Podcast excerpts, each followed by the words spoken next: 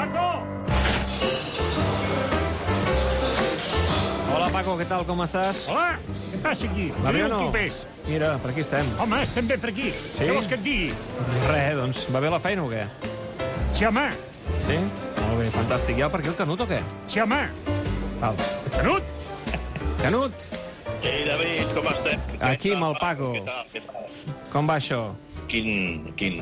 De molt mal humor estic. De mal humor, home, no m'estranya. A, a veure, deixa, deixa'm que ho endevini. Entenc que estàs de mal humor pel que va passar ahir a Vigo, perquè també podries estar de mal humor pel tema Artur. Pel, pel canje? Sí, home, a veure, eh, marxa un jugador de 23 anys, n'arriba un de 30, i sembla que tot plegat eh, està Clar, més pensat mira, en un mi- tema a de mi- calés a que mi no pas esportiu. Sí, no, no, per, per, per descomptat que hi ha aquí un rerefons econòmic que, que és un maquillatge del balanç. Eh, tu me'n dones 70, ho comptabilitzo immediatament per, per, per aixugar eh, números vermells i després el que em toca pagar-te tu pel teu jugador de 30 anys, doncs ho vaig periodificant i d'aquesta manera faig aquest maquillatge comptable que no sé si arribarà un dia que també la UEFA eh, veurà que tot això és una camama i que i que afecta doncs, el fair play financer dels, dels clubs. Però més enllà de tot això, el que la gent està molt emprenyada és per la manera com ahir el Barça es va tornar a deixar dos punts que semblen ja que poden ser decisius, a no ser que avui hi hagi un miracle en el partit de l'Espanyol contra el Real Madrid la temporada perquè no és el primer cop ni l'últim que el Barça, després de, de, de remuntar marcadors o de posar-se per davant en el marcador, ha deixat d'escapar punts importantíssims, vitals. Recordis el cas de Osasuna, el cas de Totxa, ai, de Noeta, el cas mateix del, del camp de l'Espanyol i, i algun més que em descuido i que són punts que ara es trobaran a faltar, però sobretot aquesta manca de capacitat eh, física de l'equip que a les segones parts es dilueix d'una manera absoluta i, clar, això és conseqüència que quan no s'entrena bé després és molt difícil que reflecteixis un estat de forma idoni en el, en, el, en el terreny de joc en els partits. I, I és que el gran problema del Barça és que entrena al ritme dels veterans que té a la seva plantilla, que no volen fer sessions intenses perquè no estan per, per, per, aquesta, per aquest tipus de preparació i, i després tot això s'acaba acusant i s'acaba notant amb les baixades de, de, de ritme. El famós tu no tienes ritmo de Fanjal es podria, es podria, es podria implantar perfectament amb el joc del Barça d'aquesta temporada que en segones parts de, de, de baix nivell ha deixat veure com equips d'inferior categoria li, li pintaven la cara i li passaven la mà per la cara. Um, saps què passa? Que um, el problema és que um, ahir encara frustra més veient que la primera part el Barça doncs, va recuperar sensacions, sobretot gràcies a la Riqui Puig mm. i en Sofati, que vam posar aquell punt Sí, de ganes senyor, d'electricitat, sí, i clar, quan veus que mm. amb l'1-2 al marcador el Barça es deixa escapar els 3 punts d'aquella manera, això és el que frustra més. Sí, sobretot d'aquella manera que és que perdis el control del joc, que perdis el control del, del, del, del, partit, eh, perquè, mira, et poden empatar perquè, perquè en un cop de fortuna l'equip contrari aconsegueixi aquest resultat, però quan ja es veu a venir, quan plou sobre mullat, eh, no és ja una sorpresa, sinó que quan és una sèrie de repeticions de la mateixa situació, demostra que aquí hi ha un problema, i el problema del Barça és sobretot que és un problema físic, és un problema que la els eh, jugadors clau, els veterans, se, li han fet eh, vells i l'equip aquest no ha sabut rejuvenir-se perquè els fitxatges que s'han fet en les últimes temporades no han reeixit la majoria d'ells. Ahir, sense anar més dubte en un partit decisiu, Gris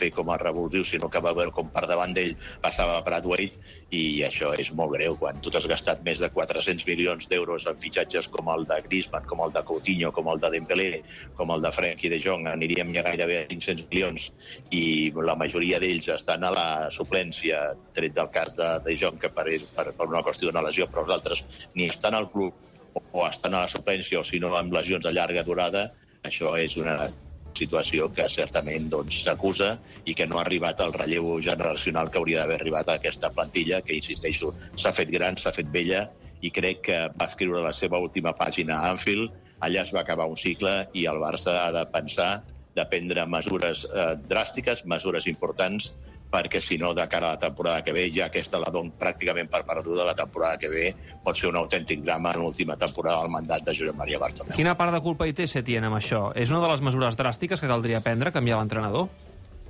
eh, veure, segurament Setién acabarà pagant les conseqüències d'aquesta mala planificació i d'aquest mal resultat en el fitxatge. Eh, Setién no ha tingut culpa de que no s'hagi sabut i va passar a Ernesto Valverde. Aquí es demostra que no és un problema d'entrenador el que té el Barça, més enllà de que ha escollit entrenadors d'un perfil baix que es, eh, que es, eh, que es sotmetessin a dedicats paques sagrades que emanen excessivament i especialment a partir del crac de Leo Messi i, i es veuen sotmesos aquests entrenadors als desitjos especialment de, de, de- Leo Messi i dels seus eh, acompanyants, sigui en aquest cas de jugadors de la màxima confiança de l'argentí com poden ser eh, Luis Suárez, Sergio Busquets o Jordi Alba. Mm, eh, saps què passa, Canut? Que, clar, a aquesta directiva li queda només un any de mandat i em fa una mica de por que no vulguin fer una gran revolució perquè, total, pel que els queda... Mira, jo et diré una cosa. Uh, fa dos anys, un dia a Copenhague, en un taxi, Michael Laudrup em va dir una cosa gravada, i va ser el problema del Barça no serà uh, l'era post-Messi, el problema del Barça serà el final de Messi. I crec que estem acostant-nos a aquest final de Messi, però dubto molt que aquesta directiva s'atreveixi a prendre solucions dràstiques i acabarà morint amb, amb, amb Leo Messi a la, a la plantilla. Però si el Barça ha de començar a regenerar-se, malauradament crec que comença a acostar-se al final de Leo Messi. Bé, en fi, em fa tanta por cada vegada que, que hem parlat aquí a l'Snac Barça de final de Leo Messi eh, eh, em venen totes les pors i els mals al cos, perquè evidentment és un tema en què sempre pensàvem No, no, que no arribaria mai, però clar, algun dia arribarà i fa la sensació, com dius tu, que això ho tenim a tocar. Ahir, a, a, a, a, a, a, ahir malauradament, poques vegades Messi se'n va anar del seu contrari en l'1 contra 1. Sí. Eh, Messi té un talent especial, és un jugador d'un do especial, especial de, de, concretament, sobretot a l'hora de veure espais que no veuen els contraris, en fer passades de gol. Ahir en va donar dues a Luis Suárez, però a a Messi li costa cada vegada més desequilibrar. No em refereixo a que porta tres partits sense marcar aquest maleït gol 700, però a Messi cada vegada li costa més. Semblava que Messi, després d'aquesta aturada post-coronavirus, això li hauria de servir per, per, per recuperar forces i estar com un tro, i estem veient que no estem contemplant la millor versió de Leo Messi i que els 33 anys comencen a pagar quan tu sobretot portes tanta tralla a les teves, a les teves cames, perquè Messi durant aquests últims 15 anys ho ha jugat pràcticament tot i més. I això arriba un moment que es comença a notar. I ara continua jugant tot perquè de moment encara no ha tingut descans en aquesta lliga de, de dos partits per setmana. En fi, uh, Canut, me'n vaig cap a dalt, que d'aquí no res comença el bàsquet. Uh, ens haurem d'encomanar a la secció de bàsquet no, per pa- tenir no. No, no, no, no pareu, eh? El tot gira, escolta'm, semifinals de bàsquet, Home. el- l'Espanyol, Madrid per la nit... El Girona, el Girona sí, sí, també a quarts de vuit. Bueno, escolta'm, eh, gairebé no, no hi havia ni, ni, ni, ni temps per, les, per venir a l'esnac. Mira, eh? aquí, aquí el Paco ja té preparada la, la tele perquè també diu el Paco que són molt de bàsquet aquí Va, a sí, la home. Barça. Paco, port, porta'm una tila perquè estic tan emprenyat que més val que em prengui. Mira, aquest tila, cafè d'avellana li portes pencanut. No. El tinc aquí guardat. Quina mania, Paco, que no vol cafè d'avellana el, el Canut. El No, Canut- avui, pas a mi, avui eh? el cafè avellana no. Ah, no, avui no, Paco, ho sento. Avui una tila, perquè si no, escolta, m'acabarem malament. Sí, home. Molt bé. Vinga, Canut, uh, me'n vaig cap a dalt. Una abraçada forta. Fins la setmana que ve. Vinga, cuida't, que vagi molt bé. Adéu. Adéu, Paco. Cuida't, eh? Vale. Vagi bé. Adéu. Ens veurem, eh? Sí. Ai, escolta, podeu marxar ja, però no esteu fotent ni gasto aquí. No sé per què obrim, llavors.